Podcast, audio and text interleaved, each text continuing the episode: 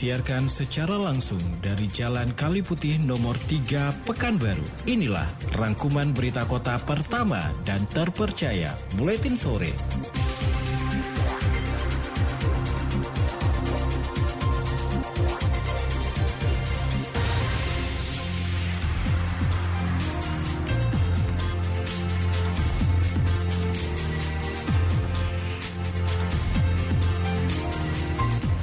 Mitra Kota inilah berita utama untuk hari ini. Bawaslu Riau tertibkan 41.026 alat peraga kampanye. Riau jadi provinsi percontohan program rehabilitasi mangrove M4CR.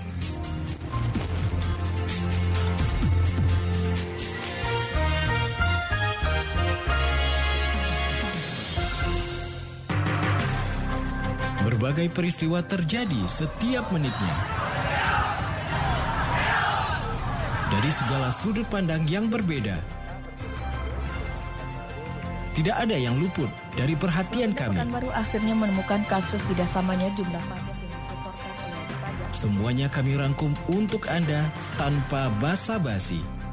Membawa kabar yang real dan terpercaya ke ruang dengar Anda tanpa ada yang ditutupi.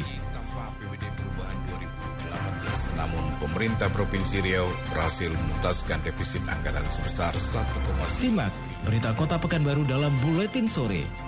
Setiap Senin sampai Sabtu pukul 16.30 hanya di 975 Barabas FM. Kami percaya ada butuh yang pertama dan terpercaya. Itulah Buletin Sore. Selamat sore Mitra Kota, rangkaian informasi aktual yang terjadi hingga sore hari ini telah dirangkum oleh tim Buletin Sore. Bersama saya Indi Simorangkir, inilah Buletin Sore untuk edisi hari Sabtu 18 November 2023 selengkapnya.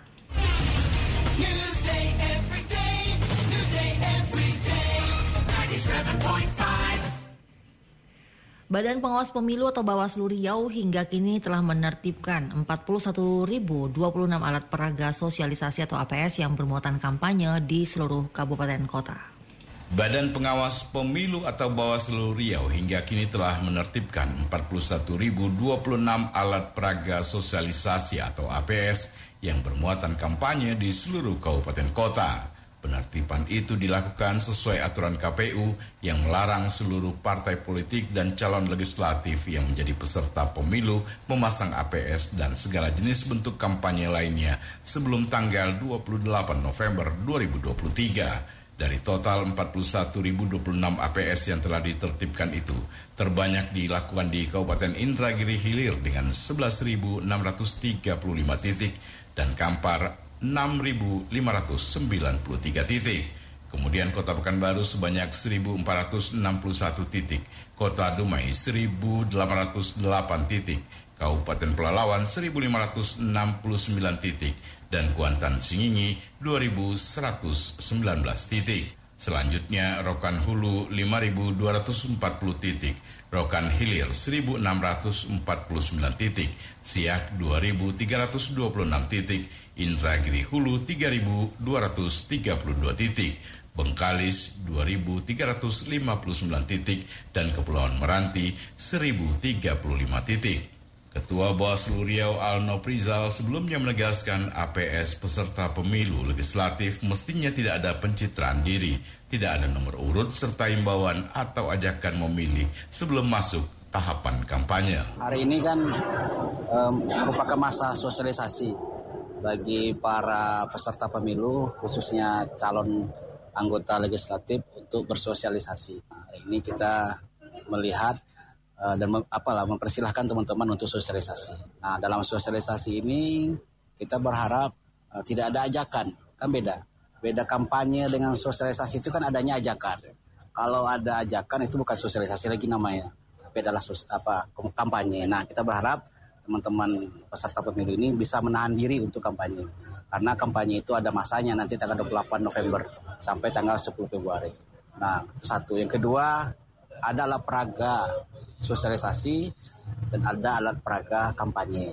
Nah hari ini teman-teman Bawaslu Seriau Kabupaten Kota eh, kalau kita total kan kita kumulatifkan sudah ada sekitar hampir 40 ribu bang 40 ribu alat peraga yang sudah kita tertibkan seriau ini ini mungkin bisa bertambah lagi kan karena masa sosialisasi masih ada sampai tanggal 28 nanti. Nah, kita menghimbau kembali kepada teman-teman peserta pemilu untuk menahan diri kalau bisa saat kampanye sajalah uh, untuk melakukan uh, kegiatan politiknya dalam hal mengajak pemilih. Jangan karena apa? Karena memang uh, masa kampanye selama 75 hari itu saya rasa sudah cukup efektif untuk mengajak masyarakat. Sementara itu Koordinator Divisi Hukum dan Penindakan Bawaslu Riau Indra Khalid Nasution mengatakan penertiban akan berlanjut hingga semua APS yang mengandung unsur kampanye dan menyalahi aturan bisa dibersihkan.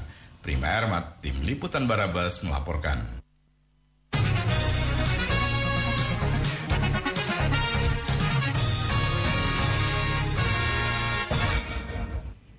Provinsi Riau telah dipilih sebagai salah satu provinsi percontohan atau pilot project dalam pelaksanaan program rehabilitasi mangrove melalui inisiatif Mangrove for Coastal Resilience atau M4CR.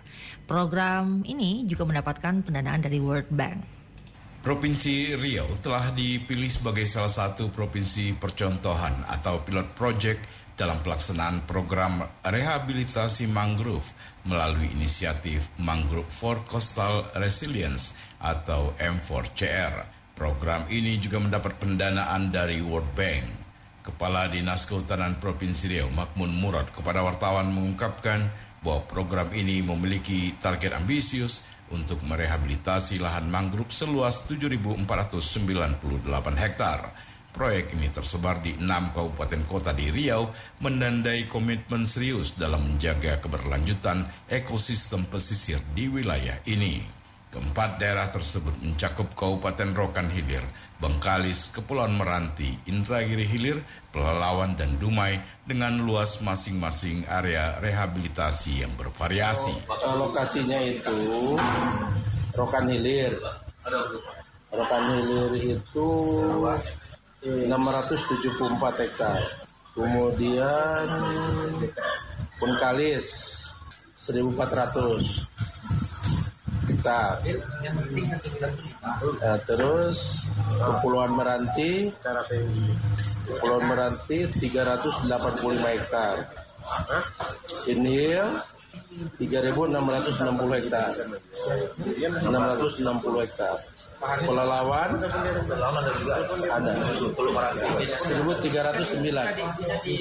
309 Dumai 70 Oh, 70 hektar. Dikit ya Pak? Iyalah tergantung ini ada banyak juga mungkin. yang bisa yang mau direhabilitasi. Kalau untuk pemberdayaan ekonominya Pak, Ya yang menanamnya masyarakat. Bibitnya kan dari masyarakat. Jadi sistemnya sistem swakelola pakai dengan Pokmas, kelompok masyarakat. Itulah pemberdayaan ekonominya. Di samping itu nanti ada juga pemeliharaannya. Ya dari masyarakat itu juga. Di situlah dampak ekonominya. Masyarakat akan mendapat pekerjaan kan dan hasilnya duitnya. Nah setelah jadi itu juga jadi milik masyarakat. Nama programnya apa? Rencana kegiatan rehabilitasi mangrove program MPOR-CR. Rehabilitasi lahan mangrove diharapkan akan memberikan manfaat signifikan tidak hanya bagi lingkungan lokal tapi juga dalam mendukung ketahanan pesisir. Program ini menjadi tonggak penting dalam upaya pelestarian alam dan pengelolaan sumber daya alam yang berkelanjutan di Provinsi Riau. Murad menjelaskan bahwa seleksi lokasi rehabilitasi didasarkan pada usulan dari provinsi yang kemudian melalui proses verifikasi sebelum ditetapkan. Selain Riau, provinsi lain seperti Sumatera Utara, Kalimantan Timur, dan Kalimantan Utara juga ikut serta dalam proyek percontohan ini. Prima Ermat, Tim Liputan Barabas melaporkan.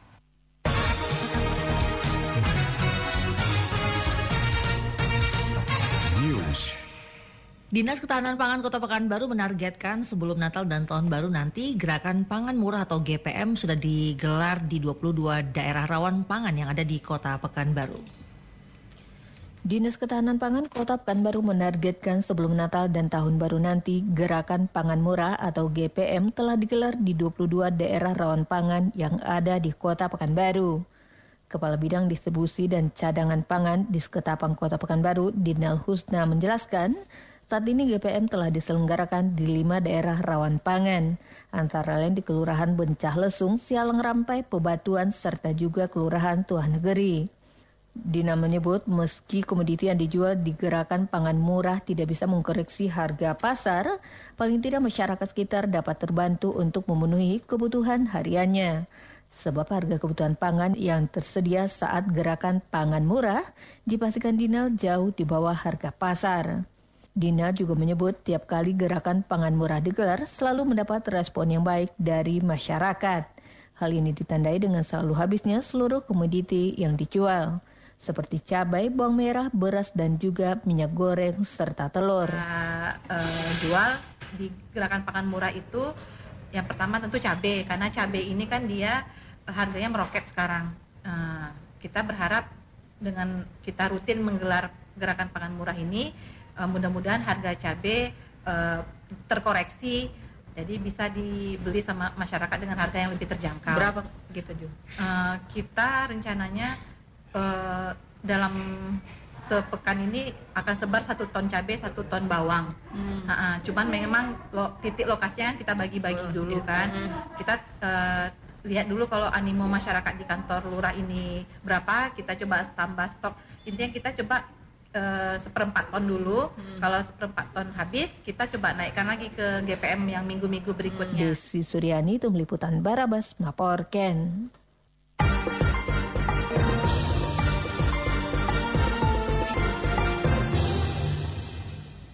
Mitra Kota silakan follow Facebook kami di Radio Barabas. Inilah berita terakhir Buletin Sore untuk hari ini. Mitra Kota pemanasan global yang kita rasakan saat ini menurut para ahli salah satunya disebabkan karena banyaknya hutan yang terdegradasi. Oleh karena itu harus ada komitmen bersama untuk menjaga hutan-hutan yang ada saat ini. PT Pertamina Hulu Rokan sudah menunjukkan komitmen salah satunya dengan menjaga kelestarian hutan Rumbai yang ada di lokasi mereka di Kecamatan Rumbai Timur. Seperti apa upaya PT PHR menjaga kelestarian hutan ini? Untuk Anda kami sajikan features menjaga kelestarian biodiversity di Konverta Rumbai wujud komitmen PT PHR jaga paru-paru dunia.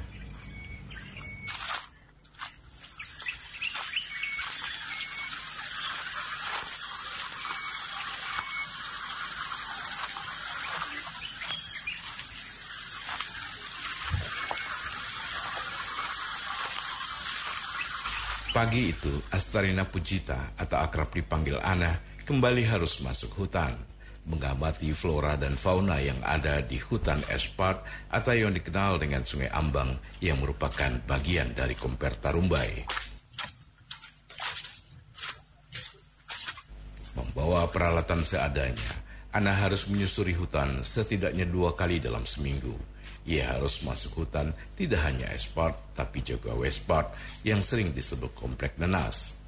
Ya, itulah pekerjaan Ana sebagai park ranger. Kita di sini sebagai pemandu hutan, Pak, dan Pak Ranger uh, di bawah naungan FM itu uh, kegiatan sehari-hari kita pengamatan kawasan hutan, lalu pemberian label pohon, mengidentifikasi pohon gitu dan mengamati satwa uh, flora maupun fauna ada di Rumbai. Boleh setiap hari masuk hutan gitu. Kalau kita schedule-nya uh, dua kali seminggu, Pak. Kali ya, yang lainnya kita keliling camp. Oh, itu apa yang dilakukan ketika masuk hutan kita kan mengamati jogging track apakah jalur jogging tracknya itu uh, dapat dilalui atau tidak kadang-kadang uh, karena cuaca itu jalur jogging tracknya kan terputus akibat uh, pohon tumbang gitu. Nah, kalau misalnya ketika ada pohon tumbang kita akan hubungi teman-teman trim untuk membersihkan uh, jalur jogging track. Jadi kalau misalnya ada yang mau masuk jalur jog jogging track itu bisa dilalui dengan baik. Ana tidak sendiri, ada temannya Rev Daniel Nurchan yang juga bertugas sebagai part ranger. Mereka bertugas untuk menjaga lebih kurang 420 hektar hutan yang ada di Komper Tarumbai. Anda jangan bayangkan Komper Tarumbai ini ada di pelosok negeri, karena ia ada di tengah kota Pekanbaru dan termasuk ke dalam kecamatan Rumbai Timur. Jaraknya hanya lebih kurang 10 km dari pusat kota. Luas area Komper Tarumbai sendiri lebih kurang 1.226 hektar yang terdiri dari wilayah perkantoran, perumahan, dan hutan seperti yang disampaikan Erwan, Facility Management Maintenance Coordinator PT Pertamina Hulu Rokan ini adalah sekitar 1.226 hektar. Area itu terdiri dari perumahan, perkantoran. Jadi eh, area ini da, eh, terdiri dari hutan. Hutan-hutan ini kita kelola hutan yang tua kayak hutan sekunder yang alami masih. Kemudian ada dari area perkantoran dan area perumahan. Perumahan ini untuk eh, perwira-perwira THR. Meski hanya seluas 420 hektar, namun hutan yang ada di Komper Tarumbai ini cukup beragam isinya. Setidaknya terdapat 343 jenis pohon, empat di antaranya spesies pohon langka seperti tambesu, kulim, jelutung, dan gaharu. Selain itu, terdapat 133 spesies burung, di mana 24 spesies di antaranya termasuk langka, seperti sikap madu Asia, elang brontok, dan burung madu sepah raja. Di hutan Kumper Tarumbai ini juga terdapat delapan spesies primata, di mana empat di antaranya dilindungi. Kemudian eh, observasi untuk avifauna, kawan-kawan Pak Ranger sudah menemukan 133 spesies burung yang ada di hutan taman kita. 24 dari 133 jenis tersebut uh, fauna yang dilindungi. Ini uh, data yang kita lakukan setiap hari dan kita laporkan sekali sebulan temuan-temuan kita dari fauna yang ada di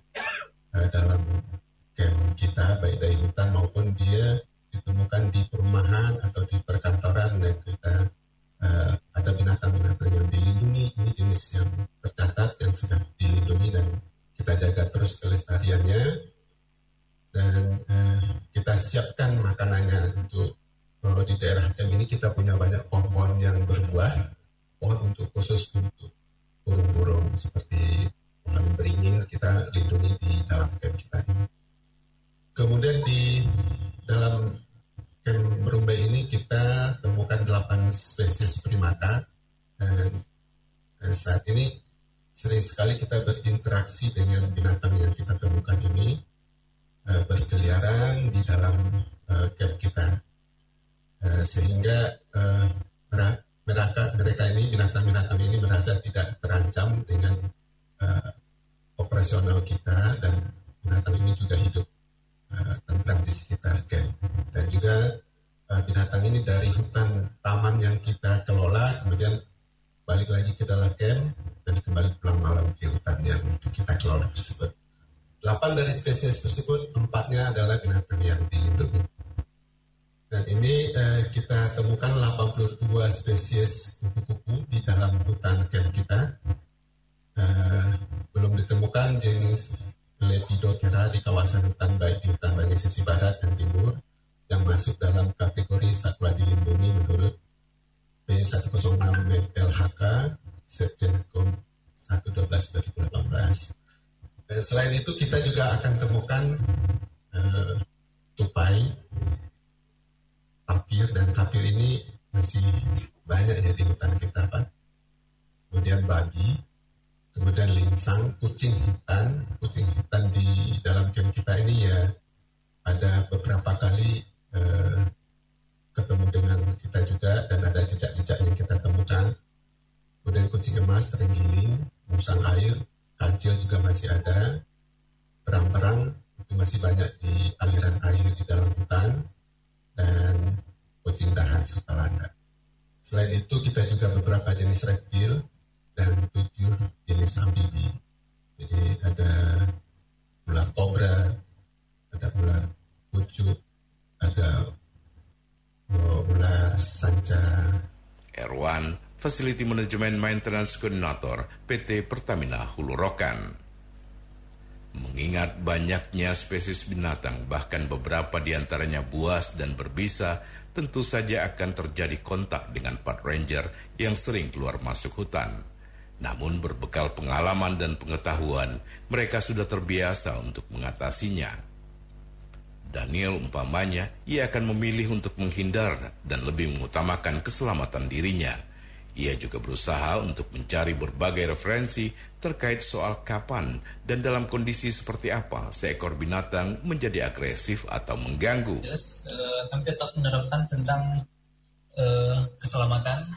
Kita harus menekankan keselamatan, apalagi di sekitar kita itu ada bahayanya yang dominan adalah bahaya biologi dari hewan yang bisa, yang hewan buas tanpa sengaja kita papasan, jadi kita langsung diserang. Yang jelas setiap harinya kami memonitor kondisi dalam hutan kita ataupun di dalam camp kita. Dan di situ ada beruk yang biasanya yang menyerang kami adalah beruk, apalagi beruk itu yang sedang birahi Nah, biasanya itu kami akan mengambil data jauh dari kondisi tersebut. Jarak mungkin 5 meter, terus bisa jadi 6 meter, tidak terlalu dekat. Nah, e, gimana caranya kami tetap e, selamat adalah tetap e, melihat kondisi kiri kanan kami, ada beruk, ada monyet, kemudian ular. Kalau ular biasanya kami itu ketemuin adalah ular pucuk. Ular kalau di sini bilangnya cantik manis. Jadi dia itu fit viper dia itu adalah ular yang berbisa mematikan dan itu biasanya dia ada di kiri kanan jogging track biasanya kalau misalnya kita beruntung dia ada di kanan kita atau kita apes dia bisa di kiri kita gitu ya jadi uh, kita harus terbiasa uh, dengan referensi-referensi gimana si satwa ini uh, dalam kondisi agresif. Nah, kita harus tahu itulah mungkin uh, keilmuan yang kami dapat di kampus atau di di dalam referensi-referensi yang kami baca bahwasanya kalau misalkan cara kita menghindari beruk itu ya, lari aja sekencang-kencangnya karena mereka tidak akan bakal ngejar kita sampai 3 meter lebih. Dia hanya akan menyeringai awalnya kemudian akan nyerbu kita. Kita lari aja pasti 2 meter selanjutnya itu, itu dia akan berhenti. Kemudian kalau untuk ular kita harus tahu ularnya jenis-jenis apa, apakah bisa tinggi atau bisa sedang atau bisa rendah. Dan tentunya kita harus menghindari kawasan-kawasan yang kondisinya nyaman bagi si ular seperti ular sanca biasanya ada di mana gitu kondisinya di mana seperti atau dia di kita akan melewati kayu dengan kayu menapu mungkin kita bisa lihat dulu tuh kondisinya e, kita tetap menerapkan keselamatan kita e, sebagai e, menerapkan PHR menyebutkan tentang keselamatan kerja. Hal yang sama juga disampaikan Ana. Sebelum masuk hutan, ia akan melakukan observasi terlebih dahulu. Cuaca dan bunyi-bunyian bisa menjadi pertanda. Pengalaman khusus, alhamdulillah selama ini kita uh, tidak ada yang sampai fatal atau apa kayak gitu. Ketemu dengan binatang. Ketemu kalau misalnya ular, monyet, ya babi hutan itu ada Uh, biasanya kita kan bawa alat pak, bawa alat kayu, parang, tuh ada pilok juga kan untuk menandai tanda, uh, menandai jalur. Gitu. Kalau misalnya sebelum kita apa, sebelum kita masuk jalur, kita uh, antisipasi dulu nih. Oh ini kayaknya cuacanya apakah terang atau mendung gitu. Terus kita dari dengar suara-suara juga Pak. Biasanya kalau misalnya ada sekelompok monyet itu kan terdengar suara-suara berisik mereka kan Pak. Kalau misalnya sedang ada sekelompok monyet itu biasanya kita nggak lalui dulu. Tugas Ana dan Daniel bertambah berat. Selain mengamati, mereka juga harus menjaga hutan. Menurut Erwan, ada tiga hal yang menjadi fokus mereka, yakni mencegah kebakaran hutan dan lahan, mencegah terjadinya pencurian kayu, dan terakhir mencegah terjadinya perburuan satwa. Nah, uh, ini sebagian dari kegiatan-kegiatan uh, kawan-kawan Pak Ranger, uh, di mana mereka selalu berkeliling dari hutan taman di bagian timur dan hutan taman di bagian barat untuk uh, melihat indikasi pertama adakah kebakaran hutan terjadi di sekitar hutan-hutan yang kita jaga tersebut Kemudian adakah indikasi pencurian kayu dan perburuan satwa? Nah, hal-hal ini sangat eh, kita hindari terjadi. Kalau ada, kita langsung uh, minta bantuan ke tim-tim terkait yang ada di PHR. Tapi kalau dipikir, kenapa PT Pertamina Hulu Rokan harus menjaga hutan ini dengan sedemikian rupa? Padahal ini bukan bagian dari core bisnis mereka sebagai penyedia energi bangsa. Pengamat kehutanan dari Fakultas Kehutanan dan Sains Universitas Lancang Kuning, Dodi Sukma RA mengatakan hutan berfungsi sebagai paru-paru dunia, memproduksi oksigen dan menyerap CO2. Selain itu, hutan juga berfungsi sebagai cadangan air dan mencegah terjadinya pemanasan global. Fungsi hutan itu adalah paru-paru dunia karena hutan menghasilkan oksigen dan menyerap CO2. Hutan juga menahan pemanasan global, tempat cadangan air, dan serta mengatur tata air. Ketika hutan itu sudah tidak ada, sudah musnah, ya semuanya akan hilang. Penghasil oksigen pun juga tidak ada lagi, pengatur tata air tidak ada, dan sulit kita akan e, bernapas karena kekurangan oksigen karena hutan sudah hilang atau sudah musnah gitu. Untuk saat ini mungkin kita sudah sama-sama mengalaminya, merasakan betapa panasnya dunia saat ini karena terjadi pemanasan global. Itu akibat banyak hutan sudah mulai terdegradasi. Selain karena fungsinya yang sedemikian penting, PT PHR melakukan penjagaan dan pelestarian hutan di wilayah kerjanya juga disebabkan karena perusahaan ingin mencontohkan bahwa menjaga lingkungan jauh lebih penting dibandingkan hanya sekedar mengejar keuntungan saja, seperti yang disampaikan Erwan, FM MTCE PT Pertamina Hulu Rokan hutan ini adalah hutan sekunder yang sudah tua, yang sudah dari puluhan tahun dalam kondisi alami.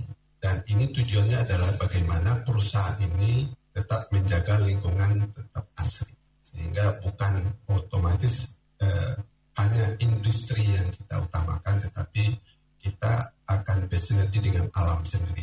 Bagaimana lingkungan ini terjaga dengan eh, sangat bagus. Kemudian itu yang kita tampilkan bahwa uh, perusahaan ini tidak hanya mencoba untuk mencari keuntungan besar tanpa memperlihatkan uh, bagaimana menjaga lingkungan dengan baik. Nah, itu yang kita bagikan kepada masyarakat umum bahwa lingkungan itu lebih utama dijaga daripada keuntungan profit. Senada dengan Erwan, manajer Corporate Social Responsibility PT Pertamina Hulu Rokan, Pinto Budi Bowo Laksono mengatakan, Salah satu komitmen PHR adalah melindungi manusia dan lingkungannya. Makanya PHR di mana pun wilayah operasinya akan tetap mengedepankan hal ini selain juga berkaitan dengan Environment Social Governance atau ESG yang juga menjadi salah satu barometer SDGs. Dan salah satunya lagi adalah ini kan komitmennya PHR terhadap ESG ya. Jadi Environmental Social Governance uh, dan ke depan ini dengan kita menjaga juga di apa namanya hutan ini kita kita melihat ada peluang juga untuk kita memperkuat uh, posisi kita di sisi ESG tadi juga. Yes. karena kan ini hutan udah bagus ini, ini kan kita lindungi terus kita ini apa namanya kita perkuat lah gitu. Makanya kan kita dengan KLHK juga uh, koordinasinya juga. Tidak secara langsung berkaitan dengan bisnis ya pak? Iya. Uh, Pak memandang program-program seperti ini apa peran pentingnya bagi uh, bisnis PHR yang ada dengan program-program seperti ini? Uh, jadi gini, uh, kita itu kan dalam menjalankan kegiatan operasi kan uh, tentu memiliki filosofi uh, untuk apa ya uh, komitmen untuk melindungi uh, manusia dan juga lingkungan sekitar kan. Artinya gini dalam menjalankan kegiatan operasi itu komitmen itu terus dijalankan gitu. Nah, e, nah ini kan salah satu upaya yang dilakukan bagaimana kita tetap bisa melestarikan lingkungan bahkan di lingkungan kita sekitar kita kan sebenarnya. Pembangunan berkelanjutan boleh jadi merupakan komitmen semua kita saat ini. Menjaga hutan dengan baik harus menjadi tanggung jawab sosial dari setiap perusahaan yang ada di Riau ini. Mengapa harus terjaga dengan baik? Karena ketika kita ingin pembangunan terus berlanjut, maka hutan harus juga terjaga dengan baik. Ketika fungsi hutan itu sudah tidak berjalan dengan baik, salah satu contohnya adalah banjir, longsor. Itu karena hutan sudah mulai hilang atau berkurang atau terdegradasi. Jadi tujuan perusahaan itu melestarikan hutan adalah Karena salah satu tanggung, tanggung jawab sosial bagi perusahaan apabila dia dari satu segi perusahaannya dia mencemarkan air, maka dia harus kompensasi dengan membersihkan air tersebut. Apabila salah satu perusahaan yang ada hubungan dengan merusak hutan atau membuka lahan, kompensasinya dia juga harus melestarikan hutan, menanam kembali pohon-pohon supaya sesuai terjadi keseimbangan antara apa yang diambil itu juga yang harus ditanam kembali. Itu juga yang harus diperbaiki kembali supaya terjadi keseimbangan dan terjadi pembangunan secara berkelanjutan. Ahmad Kehutanan Universitas Lancang Kuning, Dodi Sukma RA. PT Pertamina Hulu Rokan sudah menunjukkan komitmennya menjaga kelestarian biodiversity hutan di Kumperta Rumbai. Sekarang bagaimana dengan yang lain? Karena ternyata tanggung jawab menjaga hutan bukan hanya menjadi milik pemerintah ataupun swasta saja, melainkan tanggung jawab kita bersama Semoga saja orang-orang seperti Ana dan Daniel akan bermunculan pada tempat-tempat yang lain yang tak letih menyuruhkan kelestarian alam seperti tidak letihnya Panji Sakti membawakan jiwaku sekuntum bunga Kamboja. Jiwaku sekuntum bunga Kamboja dihempas angin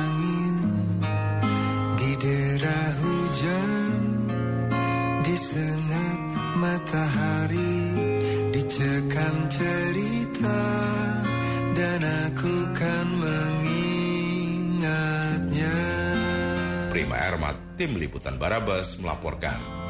Sebagai cinta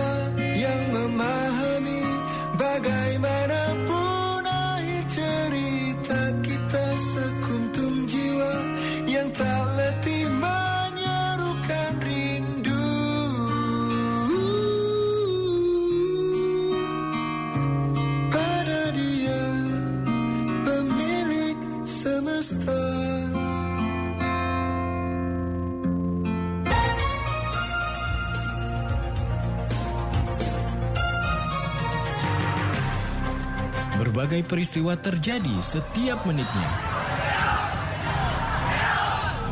Dari segala sudut pandang yang berbeda. Tidak ada yang luput dari perhatian kami. baru akhirnya menemukan kasus tidak samanya jumlah pajak yang disetorkan oleh pajak. Semuanya kami rangkum untuk Anda tanpa basa-basi. Membawa kabar yang real dan terpercaya ke ruang dengar Anda tanpa ada yang ditutupi. Namun pemerintah Provinsi Riau berhasil menuntaskan defisit anggaran sebesar 1,1 Simak berita Kota Pekanbaru dalam Buletin Sore. Setiap Senin sampai Sabtu pukul 16.30 hanya di 975 Barabas FM. Kami percaya ada butuh yang pertama dan terpercaya. Itulah Buletin Sore.